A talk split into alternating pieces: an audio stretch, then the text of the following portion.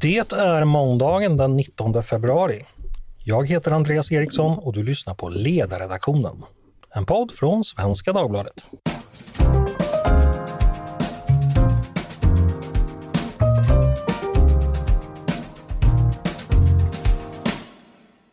Varmt välkomna till oss och till en ny vecka med Ledarredaktionen. Hoppas ni hade en härlig helg. I tisdags förra veckan presenterades nyheten att utbildningsföretaget Academedia skulle byta storägare. Mellby Gård, som idag äger företaget till ungefär en fjärdedel, skulle sälja den delen till någonting som heter Akelius Foundation. Och köpeskillingen var ungefär 1,7 miljarder kronor. Men igår, alltså bara fem dagar senare, fick vi veta att den här affären, den blir inte av. Säljaren Mellby Gård ångrar sig och har i samförstånd med den tänkta köparen blåst av det hela. Det här har ni säkert hört talas om och säkert också hunnit fundera en del på. Den här tänkta affären och den följande vändningen har väckt många reaktioner och frågor. Därför tänkte jag att vi skulle tala mer om detta i podden idag. Varför gick det som det gick och vad säger det här om det svenska skolsystemet som helhet? För att hjälpa mig att borra vidare i det här så har jag med mig två gäster. Karin Grundberg Wolodarski, journalist och författare till boken Experimentet som kom 2022 och handlar just om det svenska skolsystemet. Varmt välkommen hit Karin! Tack så mycket! Och Magnus Henriksson, en gammal bekant i podden, professor i nationalekonomi, verksam vid IFN, som skrivit mycket om skolan, bland annat i Dumbing Down, The Crisis of Equality and Equity in the Once Great School System and How to Reverse the Trend, skriven tillsammans med Johan Wenström. Varmt välkommen hit också Magnus. Tack så mycket. Jaha, vi ska börja med, med affären, tänkte lite snabba fakta kring den. Eh, Academedia, Sveriges största utbildningsföretag, driver totalt 600 skolor från förskola till gymnasier med drygt 100 000 elever i. Man är också verksam inom vuxenutbildningen, så totalt är det nästan 200 000 personer som deltar i olika typer av undervisning. 20 000 anställda och en omsättning på ungefär 15 miljarder. Eh, Mellby Gård skulle alltså sälja sin andel till Akelius Foundation och bakom det står då den kända fastighetsförvaltaren Robert Akelius, säkert bekant för lyssnarna. Om vi bara börjar kort, de här veckans händelserna. Karin, vad tänkte du när du fick höra om när den här affären presenterades första, förra veckan? Blev du förvånad? Ja, alltså, ja, jag blev förvånad. Jag, jag visste inte att eh, Mellby Gård var i tanken att sälja, men man blev ju framförallt förvånad över de orden som Roger Akelius eh, kom med. Det var ju det som var den stora skrällen. Mm. Uh, ja. Absolut, vi kan väl eh, gå in på dem direkt. Eh, för det som hände efter affären, det var ju att Robert Akelius snabbt var ute i offentligheten eh, hos Dagens Industri, där du arbetar, eh, Karin, och berättade att det här innebär två stora saker. Eh, en rörde själva undervisningen och det andra rörde själva företaget. Och båda de här är mycket intressanta. Jag tänkte att vi ska börja med undervisningen. Eh, för här presenterade Akelius en del mm, ganska tydliga idéer. Eh, han kallar sig pedagogiknörd och sa att det här var inte en affär för att tjäna pengar utan för att ge eleverna bättre undervisning. Nu ska jag citera honom. Det är därför jag gör den här affären. Min dröm är att kunna visa att tusentals fler elever är godkända efter nian, att tusentals fler klarar högskoleprovet, att barn till invandrare kan skriva och räkna på svenska och att mobbningen i skolan minskar radikalt. Sa han i den här intervjun i Dagens Industri. Eh, och det låter ju förstås sympatiskt, men samtidigt pratar han också om att nuvarande skolor är militärvarianter från tyskt 1800-tal och att undervisningen ser likadana ut som eh, sumeriska skolor för 4000 år sedan. Alltså en ganska kritisk syn på, på dagens skolsystem. Eh, så jag tänkte väl börja här. För mig jag, jag blev lite förvånad över att en ny skolägare går in med så här ganska dramatiska idéer, om man får uttrycka det milt. Magnus, är, är det så skolan är tänkt att funka? Att man ska kunna köpa upp nya skolor och sen säger man att det där är som summerarna hade den, nu gör vi nu, helt nytt. Vad tänker du?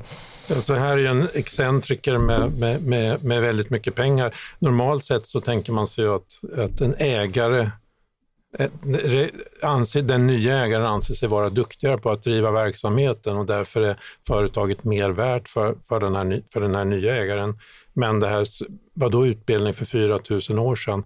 Att systematisk undervisning, det är någonting som ungefär 1840-talet, 1850-talet i västvärlden. Innan dess så var det så att säga herreklassens barn som hade, som hade privatlärare medan övriga i, i stort sett inte hade någon undervisning. I Sverige var det, lärde visserligen kyrkan människor att, att läsa tidigare, men det är ju ett helt nytt fenomen och det fenomenet att sitta ner i en skolbänk och undervisa systematiskt som en lärare, det är det som har gjort att, att vi har blivit rika, att vi kunnat få teknisk utveckling, att vi har utvecklat komplicerade, eh, de här samhällena som, med högt välstånd, så han har helt fel. Mm. Eh, Karin, vad tänkte du när du hörde den här ganska ja, dramatiska kritiken av hur eh, skolor generellt fungerar och även Academedia kan man anta? Nej, men jag, jag håller med om att det låter som att eh, Roger Akelius verkligen är en excentriker och han, man undrar verkligen, eh, ja han har ju rätt i att han bottnar kanske i det han säger på så sätt att han har varit lärare i programmering på IBM och han har varit lektor på Chalmers så han har ju en viss eh, eh, erfarenhet från att undervisa, men, men de orden och det här, den här parallellen då som är helt felaktig med att det här med 4000 år sedan, det var ju helt häpnadsväckande märkliga uttalanden och man förstod ingenting, tyckte jag, när han sa det. Sen är det klart att man Eh, kan kritisera den svenska skolan, men, men han gjorde det på ett så extremt sätt så att, så att man tappade lite kompassen. Man visste inte riktigt hur man skulle förhålla sig till vad han sa. Mm. För jag tänker att om man går i en sån här skola då som tillhör Academedia eller har sina barn där, eller jobbar där för den delen, och får höra det här att nu ska det bli sån här stor omsvängning och sen fem dagar senare, då ska det inte bli det helg då, då är affären avblåst. Eh, vad tänker du Karin, hänger man med eller vad, är inte det väldigt märkligt? Jo, det var väldigt märkligt och eh, när man läser då Akelius svar idag eh, och igår var det ju han, kring varför han, han backar så låter han ju lite bitter för han, det, det är framförallt tror jag det som eh, gjorde att eh, Rune Andersson och hans son då ville backa affären, det handlar ju om den kritiken som riktades emot dem och att de på något sätt eh, kände att det här blev eh, pinsamt för dem. Eh, och av någon anledning så är Roger Akelius snäll och går dem till mötes. Men han är ändå upprörd då över att han har fått så mycket kritik, framförallt då kring det här ställningstagandet kring skatten och om den ska gå till undervisning eller om den ska gå till vinst. För det har vi ju inte pratat om, men mm. det var ju också en, en, en eh, för, förvånande, ett förvånande ställningstagande som Roger Akelius tog och som gjorde att aktien störtdök när han kom in då som nyannonserad ägare. Mm. Det var det andra stora beskedet, vi ska komma till det snart. Men jag tänkte bara, Magnus, är det rimligt att vi har ett system där skolsystemet för 100 000 elever kan förändras över en natt för att en ny ägare tar över? Jag tycker först heder åt familjen Andersson som när, när de här stolligheterna blev tydliga, att de faktiskt bad om att, att reversera, reversera affären och att, och att fick honom att gå med på det. Eh, det är det första. Det andra är ju att det går ju inte att göra så. Det finns ju faktiskt ett regelverk med läroplaner, kursplaner eh, och de anvisningar som ges som man måste följa från, från de relevanta myndigheterna. Så det är ju inte så att han, han skulle inte kunnat ha gjort, gjort det här i vilket fall som helst. Men att han talar på det här sättet, att han, att han har köpt en kontrollpost i en skolkoncern utan att veta någonting uppenbarligen om hur det svenska skolsystemet fungerar eller under vilka regelverk han som huvudägare kommer att, kommer att agera framåt. Det tycker jag i sig är, är beklämmande. Faktiskt. Mm. Bara en liten kollfråga här. Det var ju 24 procent som den här affären handlade. Räcker det för att kunna styra ett företag? Det är inte majoritet, men, men hur mycket inflytande får man? Vem har väl ta den? Jag kan börja. Nej, men eh, man kan få rätt mycket inflytande för att på de här eh, stämmorna där många beslut eh, kan fattas, då är, ju, är det ju många ägare som inte deltar och Academedia har ju då en stor ägare i då Mellby Gård som blev då under några dagar nu då, Roger Akelius. Eh, och sen är det Nordea Fonder som äger runt 7% och sen andra eh, fondbolag. Så att, ja, man kan nog få rätt mycket makt med den eh, posten. Och han pratade om att han ville gå upp till då 30 procent. Man ville ligga under. Han ville ju faktiskt aldrig köpa hela eh, skol, eh, skolan. Han ville inte hamna i den här budpliktsregeln. Magnus, vill du komplettera? Ja, alltså det är ju så i Sverige att om du äger 20 procent eller, eller lite mer, du kan, så, så kontrollerar du de facto ett börsnoterat bolag. Och du kan göra det med, till och med med mindre. Vi tar LKAB till exempel, äger 10,5 procent bara av SSAB och sen har de lite röststarka aktier som har 16, 16 till 17 procent av rösterna. Men det räcker för att kontrollera företaget och bestämma vad man ska göra, hur LKAB och SSAB ska samverka i hybridprojektet och så vidare. Så att, så att eh, 24 procent brukar räcka gott och väl. Okej. Okay. Om vi, vi, tar det här andra beskedet som han gav som blev mycket uppmärksammat. Och det, det var i samma intervju i Dagens Industri. Det var att han såg affären som en donation. Eh, I ett annat sammanhang talar han om att detta är min sämsta affär någonsin och att han tänkte sig inte några avkastningskrav på de här skolorna och ingen utdelning. Eh, och I en intervju i Sveriges Radio så fick Akelius den direkta frågan om det fanns någon motsättning mellan utdelning i ett företag som driver skola och kvaliteten på undervisningen. Och då svarade han att det menar han att, att det gör. Eh, pengarna går antingen till böcker eller till utdelning menar han. Eh, vad säger du om det uttalandet Karin? Ger han kritikerna till dagens system rätt där helt enkelt? Ja, men det, absolut, det gör han ju eftersom han, han ställer sig på den sidan eh, då att han tycker att skatterna ska gå till barnen och inte till vinster. Och det är så, i vad gäller hundraprocentigt skattefinansierade skolor. Sen ser ju Roger Akelius framför sig ett system med eh, privata skolor och där tycker han att det är okej att gå med vinst. Eh, så där man alltså betalar för sin Ja, och han pratade ju till och med, och det, handlar ju, det visar ju också hur verklighetsfrånvänd han är. Han pratar ju om att det här skulle gå att skapa ett sånt här system i Sverige inom typ som jag förstod honom, inom tio år så skulle han kunna ha e-, en marknad med helt privata skolor. Det lät ju väldigt märkligt även det. Men, men utomlands så finns ju det, så där kanske han då hade kunnat eh, växla upp och eh, men, ändra lite. Men samtidigt finns ju ett uttalande om att man ska inte göra utdelning utan det ska plöjas in i verksamheten, det vill säga investeras och kanske till och med användas till expansion för att därigenom så att säga, få en värdetillväxt i bolaget. Så att, så att, så att jag tycker att han är otydlig på om man egentligen vill att det ska in, att dagens elever ska få mera resurser eller, eller ska använda till att expandera verksamheten och därmed öka, öka företagsvärdet. Ja men det tänker jag också. Är han så att säga en god förvaltare och som ser eh, vinster på lång sikt, alltså som ett, en gammal industriföretagare som liksom inte bryr sig om kvartalskapitalismen? Eller är det dagens system han går direkt... Jag tycker också han är lite otydlig där. Ja, men, men jag tycker ändå han var rätt tydlig med att han inte gillar eh, vinstutdelningar i 100 skattefinansierade skolor. Mm. Uh, och det säger han ju nu när han går ut ur affären lite bittert att folk tycker vinster är viktigare än barnen. Uh, så att, ja, det visar ändå på, han är ju kritisk mot eh, att, han pratar om att man squeezar vinsterna. Mm. Eh, det är ju ändå en kritik mot systemet, det måste man ju ändå eh, men, men, men sen se. kan man säga att om man inte får göra vinst, då kommer det ju inte heller investeras pengar för att bygga så att säga, bolagsstrukturer eller skolstrukturer. Så att, så att, och, och man kommer heller inte att kunna låna pengar. Ett aktiebolag kan ju låna pengar för att bygga om lokaler, expandera och så vidare. Så att, så att det har ju tillförts resurser. En stiftelseskola är nästan omöjligt att idag starta utan att du får en tillförsel av kapital. Mm. Och det kan ju ett aktiebolag göra på ett helt annat sätt. Så, så, att, så att det blir ju någonting helt annat. Att då köpa 24 procent av aktierna och sen så i praktiken blåsa de andra 76 procent av aktieägarna det är ju det som det är ju oerhört anmärkningsvärt. Ja, för, för de andra delägarna blev förstås inte så glada och börskursen föll. Det är lätt att förstå deras reaktioner, Magnus. Absolut, och eh, det är inte säkert att eh, kreditgivarna, jag menar det är ju inte ett, ett skuldfritt bolag vi pratar om, det är inte säkert att de heller blir så glada, för då är det ju längre inte en for profit-verksamhet utan det är en non-profit och en non-profit har inte alls samma kreditvärdighet som ett aktiebolag. Vad tänker du om det Karin, alltså marknaden och eh, de övriga delägarnas reaktioner? Uh, nej men det var ju verkligen förväntat att aktiekursen skulle rasa eftersom han var så tydlig i, i sin ovilja då att om han nu hade varit kvar som ägare att, att dela ut pengar. Uh, men han pratade ju samtidigt uh, om att det här skulle skapa värde om tio år. Men man ska samtidigt komma ihåg då att Roger Akelius själv är ju, är ju faktiskt väldigt gammal, han är ju 79 år, så att han hade fått jobba på väldigt fort för att hinna med eh, allt han mm. ville göra. Men, men att, att aktien backade var ju helt väntat, men man kan ju, det har ju riktats väldigt mycket kritik nu mot eh, på, alltså, på ett sätt att, att de, du, du, ger, du ger dem beröm för att de backade från affären, men vi har ju många aktieägare som faktiskt har sålt på den här nyheten och som eh, har förlorat pengar på att de har sålt eftersom aktien då steg eh, efter. Så att man kan se det på olika sätt.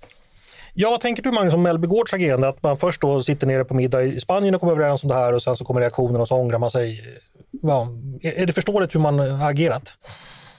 Alltså, vi vet ju inte om de, om de visste, om han hade talat om sin vision för dem. Nej. Uh, jag tror inte de visste. De sa nej. i en intervju med Dagens Industri att de visste, men hade de vetat, varför backar de?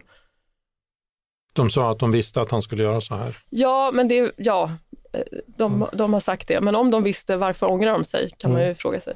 Ja, flera olika parter som är svåra att, att tolka här. Hörrni, vi, vi, ska lyfta blicken bara lite och prata lite det svenska skolsystemet som är då så att säga spelplanen som gör det här möjligt. Som jag sa, båda av er har ju skrivit och studerat det här mycket. Eh, Karin, bara kort repetition. Du har varit med i podden och pratat om det här tidigare, men det svenska systemet har ju beskrivits som unikt i världen. Vad är det som gör oss unika? Ja, men det är ju uh, unika är att vi tillåter uh, skolor som är hundraprocentigt skattefinansierade att gå med vinst och att de har nu tagit en uh, så stor del av marknaden. det finns ingenstans i, i, världen. Mm. Det är unikt. Magnus, när du tittar runt, hur, hur unika skulle du säga att vi är? Alltså det finns ju början på det här på, på andra ställen, men det finns ingen som har genomfört det så här systematiskt och det, har ju, det är ju faktiskt inne på sitt 32 läsår med det här nu. Så att, så att eh, vi har ju privat, privat, privata gymnasier går drygt 30 procent och i drygt 15-16 procent i grundskolan går i privata och huvuddelen av de här är, är vinstdrivande aktörer. Så det är, det är unikt med, med den här omfattningen. Men en ägare som Robert Akelius med då hans idéer i alla fall, vad vi, som vi kan tolka dem nu. Hur passar han in i, i det här systemet? Så, eh, han, han passar ju inte in. Alltså det naturliga skulle ju varit att han startade en ny, eh, som ny aktör en, ett, ett gäng stiftelseskolor som han på, på, ett antal olika platser och med utgångspunkt från naturligtvis de läro och kursplaner och regelverk som vi har försökte ändå nischa sig på ett sätt som han själv tror på inom ramen för vad som är möjligt. Istället så, så går han en genväg här och försöker, som du säger, få 100 000 elever och 20 000 anställda på ett bräde genom att betala, skulle man säga, för honom en ganska liten summa. Vi pratar ju om 1,5 till 2 procent av hans privata förmögenhet.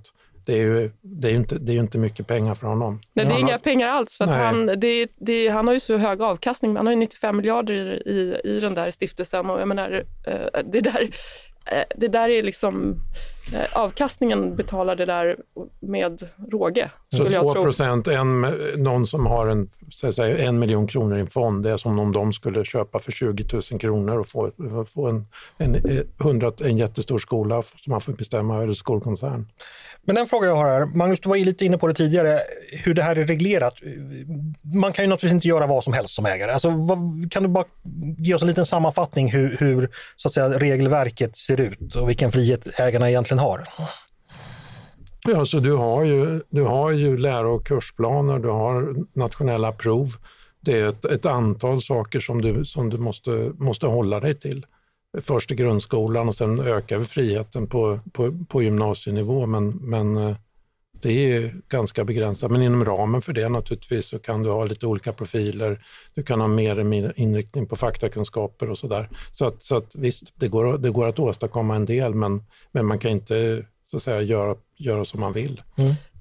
Nej, jag tänker på den här um tanken, det, det var så märkligt när Roger Akelius pratade om att han skulle ha elevklasser om sex elever bara. Då hade han ju verkligen fått skjuta till mer pengar. För det är ju inte så att stiftelsedrivna skolor i Sverige har sex elever. Det har de ju inte råd med, med skolpengen, utan de kör ju också jättestora klasser. Mm. Så att det var, eh, det hade krävt mer resurser mm. från Roger Akelius, alla hans visioner. Ja, det kan ju var och en med huvudräkning räkna ut om du går från 30 till 6 i varje ja. klass, att det behövs mer lärare. Ja. Eh, men, men, men Karin, håller du med om det? För det talas ju ibland om att idéburna skolor är en viktig del i skolsystemet, men det är egentligen det Akelius kanske skulle ha, ha startat. Det är där han snarare hör hemma. Kan man säga så? Alltså jag vet inte, han pratar, det är, det är det, han pratar om att han är för eh, vinster i liksom, helprivata skolor och Academedia hade ju potentiellt, alltså, jag håller med om att det är en jättemärklig affär och konstigt att göra det här på, eh, fel och göra det här på bekostnad av de andra eh, aktieägarna. Så att, eh, absolut. Men med det sagt så hade han ju kunnat använda Academedia som plattform för att växa utomlands i länder där det finns en större marknad för helt privata skolor. Så det, det kanske inte liksom, det kanske var eh, en intressant tanke för honom eftersom han hade sådana stora eh, planer inom eh, eh, ja, utbildningsbranschen. Mm. Hörrni, en fråga, eller kanske snarare en reflektion som ABF-gubbarna säger. Eh, om det är så att man, man får välja skola och det finns en god idé, man ska söka sig till skolan man gillar, så går man i en skola. Så kommer en ny ägare eh, och säger att nu ska skolan förändras för den har varit sumerisk eller sådär, liknande. Då ska man enligt samma logik då byta skola, för då ska man då välja ett annat. Men alla som har gått i skolan vet ju att byta skola gör man inte så lätt. Eh, man har ju hela sitt vardagsliv där man har sina vänner, eh, ens föräldrar kanske ja, ni fattar vad jag menar. Alltså det, det, det, är inte som att välja bort en pinnglass direkt där. Eh, hur ska man tänka kring det? Eller... Ja, det han, mm. han kanske inte inser det är ju att, att Academedia är ju ett skolvaruhus i meningen att det är en mängd olika, olika varumärken som man har som man har köpt, köpt på sig med olika profil, lite olika pedagogiker och så vidare. Jag tror att det finns Montessori-inriktning och det finns eh, mm. väldigt traditionella inriktningar och så där. Så att där har ju också, inbillar mig, föräldrarna funderat på vad ja. de är intresserade av. Så, att, så att det, är, det är men det är inte som att byta mellan Netflix och Viaplay menar jag det här, utan det, det, är en Nej, jättegrej i människors liv. Verkligen. Ja, och, och ofta så, så är det ju så att bra andra skolor, det kommer ju inte komma in för att där är ju köer i sin tur. De är ju populära så att, så att om du har fått det här att fungera för dig och så kommer in en ny ägare och säger att från och med hösten så är det helt annorlunda. Så så, så, jag menar, så kan man rimligen inte agera. Mm. Vad tänker du någonting om det, Karin? Nej men uh, ja, skolmarknaden det är en väldigt trögrörlig marknad och är, man kan inte riktigt uh, jämföra skol, skol säga, prata om att skolmarknaden är som vilken marknad som helst. Det finns ju massa frågor där, bland annat då trögrörligheten och att det är svårt att, att byta skola om, om man skulle vilja det. Men, men det finns ju massa andra saker som inte riktigt uh, skolmarknaden gör att det inte är som en riktig marknad. Om det är det som är din fråga, så mm. ja, absolut. Det är, jag menar, vem är kunden? Är det eh, eleven? Är det föräldrarna? Är det vi alla skattebetalare? Det finns ju massa frågor där som gör att det, det går inte riktigt att likna som, det är inte en riktig marknad. Mm. Magnus, för mig som, som är liberal finns det några uppenbara poten, potentiella fördelar med, med, med som systemet som det är idag. Dels att det ökar friheten, vilket jag anser har ett egenvärde. Eh, dels för att jag tror att marknaden är någonting som främjar innovation och också skapar god resursallokering i samhället, eh, ofta tänker jag. Eh, och också att det är ett sätt att eh, ja, men, helt enkelt kapital kan söka sig till bra ställen och skapa någonting nytt där helt enkelt och någonting bra. Eh, leverera dagens system på dessa punkter? Kan man som marknadsliberal vara nöjd, tycker du? Alltså man vågar ju inte, eh, samhället har ju inte vågat definiera produkten. Det är, det är det stora problemet. Om du tar, jämför med läkemedel så är det så att det finns en so, social, Läkemedelsverket, Socialstyrelsen så, som bestämmer att det, vi godkänner det här. Det har man ju inte riktigt gjort här nu utan det är väldigt otydligt vad som är nivån för ett, för ett visst betyg. Det är också otydligt vad själva kunskapsinnehållet i säg, historia årskurs 8 eller så ska vara. Så att det gör ju att ett sånt här marknadssystem när beställaren, det vill säga samhället, inte vågar definiera vad, vad, vilka kunskapsnivåer som det handlar om och vilket betyg som motsvarar vad. Då får du det här konstigheten att man börjar, börjar, börjar konkurrera i helt andra dimensioner och att du får betygsinflation och orättvisa betyg, att en viss prestation bedöms olika i olika skolor. Mm. Skulle det vara möjligt att reglera om så att eh, det skulle fungera, på, fungera mer som tänkt, tror du? Absolut, och det är ju, nu, nu, finns det ju en, en kurs, läroplansutredning som har satt igång och arbetar där det ska bli ökad tydlighet. Det finns en betygsutredning med uppdrag att se till att, att det blir rättvisa betyg, att det blir inflationssäkra betyg så att att bara att betygen är tre år gamla så duger de inte därför att det har varit inflation sedan dess. Alternativt att om du på, betyg, på skola A så får du det här lägre betyget, på skola B så får du ett annat betyg för samma prestation. Det, det ska ju åtgärdas nu genom de här utredningarna. Och, eh, det, jag skulle säga att det är inga problem att lägga fram sådana förslag. Däremot så kräver det modiga politiker att våga, att våga implementera förslagen på ett effektivt sätt.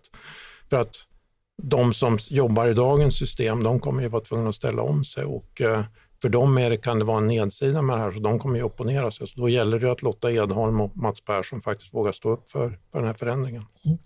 Karin, du som har studerat hur, hur det här systemet en gång eh, kom till. Det fanns ju vissa ideologiska utgångspunkter kan man säga. Vad var det man ville åstadkomma egentligen? Nej, men det här var ju en reaktion från eh, en tid då man skapade en enhetlig skola eh, och man ville låta flera blommor blomma och låta ja, men privatpersoner ha möjligheten att och skapa skolor. men, men det, var ju, jag, det var ju aldrig tanken, och det visar ju jag i min bok. Eh, det var ju, det, liksom, man trodde ju aldrig att det skulle skapa sådana här stora koncerner eh, med eh, den här konsolideringen som vi ser på marknaden, utan man tänkte att det skulle liksom, ja, skapas många små skolor. Så det här var liksom aldrig riktigt målsättningen och det var inte heller det för, det är det som jag tycker är intressant, det var inte heller det för Moderaterna. Det var inte så att de såg det här framför sig, att vi skulle ha massa stora vinstdrivande koncerner eh, ja, 30 år senare. Men, men, det är ju så att ju, ju, mer regelverk som du lägger på, desto mer gynnar du stora aktörer, för det är bara de som kan utveckla den överbyggnadsadministration som behövs för att klarar, eh, klarar det. Det är samma om du tittar i finanssektorn, ju mer regler du lägger på, desto mindre konkurrens får du, eftersom mm. det är bara jättebanker som klarar av att uppfylla alla regelverk.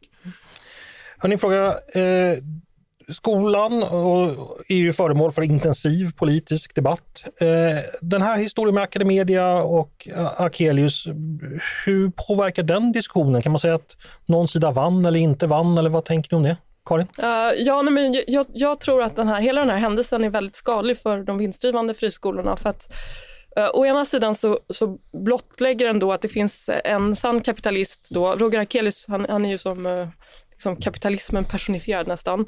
Eh, slug affärsman verkligen kommer in och säger de här sakerna som ingen förväntar sig, att han är emot eh, vinster i skattefinansierade, eller vinstutdelningar då, i skattefinansierade skolor. Det är väldigt märkligt ställningstagande från en person som Roger Akelius. Och det kanske visar eh, Alltså, det, det, kanske finns andra då kapitalstarka personer, kanske man kan misstänka, som också har den här uppfattningen. Men det andra är ju också att de som är kritiska till systemet, de gillar ju inte heller att det kan komma en person eh, och med pengar i ett bräde eh, få makt över en sån sko stor skola. Det är ju, så det, det, det är liksom problematiskt ur två två synpunkter för dem. Eh, det ger liksom argument för de som är kritiska mot, eh, mot det här systemet bara en motfråga där, visade inte det här trots allt att familjen Andersson och, och, och som då bestämde sig att inte sälja, att det ändå fanns en ansvarsfull ägare här bakom som inte ville att det skulle gå hur som helst? Det kan man, kan man inte argumentera så också? Jo, jo, nu var det familjen Andersson som, som liksom backade bandet. Uh, ja, men jag menar, det, det, det, kan man ju inte veta. Alltså, det är ju väldigt ovanligt att någon ångrar en affär. Och det, och det visar ändå hur Eh, om du är kapitalstark så kan du få väldigt stor makt över eh, utbildningssektorn i Sverige. Men Roger, Akelius fick ju prata, berätta om sina visioner. Det blev en debatt om svensk skola och han blev en maktfaktor i svensk skola. Och, och det kanske är bra, men de som är kritiska mot systemet tycker inte det är bra. Mm. Magnus, vad skulle du säga om lärdomarna av den här händelsen? Vad tar vi med oss? Alltså dels håller jag med om det, det Karin säger, att, att det blottlägger ett, ett ett stort problem när vi har fått den här koncentrationen. Å andra sidan så hoppas jag att man inte gör så att säga, brandkår, akuta brandkårsutryckningar eh, utan faktiskt ser att det här är någonting som, som händer på grund av alla, alla svagheter som vi har i systemet. Och det är ganska självklart att, att Moderaterna och alla andra som har för det borde insett att över tid så det, det finns så att säga stordriftsfördelar i att driva det här och över tid så blir det väldigt svårt att vara en liten aktör som ska själv kunna behärska alla regelverk och själv kunna marknadsföra sig och så vidare. Så att, så att det är naturligt att det blir några få stora aktörer och sen så mindre nischspelare, kanske ofta stiftelser. Och det borde man begripit från början och det, det finns liksom ingen väg ut ur det utan då är det mycket bättre att ta det stora greppet när det gäller lärokurs och läroplaner, betygssystem och kanske i förlängningen till och med tänk, kan man ju tänka sig att man, precis som i England, att, att det är studentskrivningar som avgör och så betygen sätts helt utanför. Då, då kommer ju en dålig, dålig vinstdrivande skola kommer inte få några elever för att de sätter inte betygen själva. Jag tror där är vi inte, utan man har fortfarande den här tanken i Sverige att lärarna ska veta vad elevernas betyg är och så där. Men i England kan man veta att lärarna är glada att de slipper sätta betyg. Det känns, de är, på IB-systemet där 1% av alla svenska elever går i gymnasiet, där sätter lärarna heller inte betyg. De sätts också i, i externa examinationer. Men är det där du tror vi kommer landa till sist? Om 20 år så kan, eh, tror jag att det är på det sättet, men inte i det här läget, det tror jag inte. Men vi är ju på väg där dit lite ja. med Handelshögskolan till exempel, mm. eller hur? Ja. Du tänker på att man där har då ja, nya är, krav på högskoleprovet? Ja, exakt. Mm. Där man lägger in en miniminivå för att få bort uh, avarterna. Ja. Eh, vad bra, då har vi tyckte jag rätt ut ganska mycket kring det här. Vi ska ta och, och, och sy ihop det. Är det någonting ni vill tillägga som ni tycker att eh, som jag missat eller som det är viktigt att lyssnarna har med sig särskilt? Karin, kommer du att tänka på någonting? Nej, alltså det här var eh, väldigt dramatiska dagar. De eh, varade, eh, det, det, var ju väldigt kort. Vad kul så länge det var. ja, men lite. Det var ju väldigt dramatiskt och lite, också lite underhållande faktiskt, får man ju säga. För att eh, eh det var så häpnadsväckande ord från Roger Akelius och eh, man såg det liksom inte komma. Men nu har affären gått tillbaka. Mm. Magnus, om du får sammanfatta, vad ska lyssnarna ta med sig från det här? Alltså det, återigen egentligen att det är obegripligt hur de politiskt ansvariga har låtit det här systemet gå så långt. De har påpekats sedan 10, 15, 15 år tillbaka att med korruption, med, med glädjebetyg, med orättvisa betyg och så vidare. Att man inte har tagit nu tar man itu med det, men man borde tagit itu med det redan vid, vid millennieskiftet. Okej. Okay. Stort tack för det. Det får bli slutord. Eh, tack Magnus Henriksson, professor i nationalekonomi och Karin Grundberg Wolodarski, journalist på Dagens Industri och författare, för att ni båda gästade mig idag. Och tack också till er som har lyssnat på dagens avsnitt av Ledarredaktionen, en podd från Svenska Dagbladet. Som vanligt är ni varmt välkomna att höra av er till oss på redaktionen med tankar och synpunkter på det vi precis har diskuterat. Kanske kring sumerisk eller babylonsk skolväsende eller om det är så att ni har idéer och förslag på vad vi ska ta upp i framtiden. Då är det bara att mejla till ledarsidan snabla svd.se. Dagens producent, han heter som vanligt Jesper Sandström. Jag heter precis som vanligt Andreas Eriksson och hoppas som vanligt att vi hörs snart igen.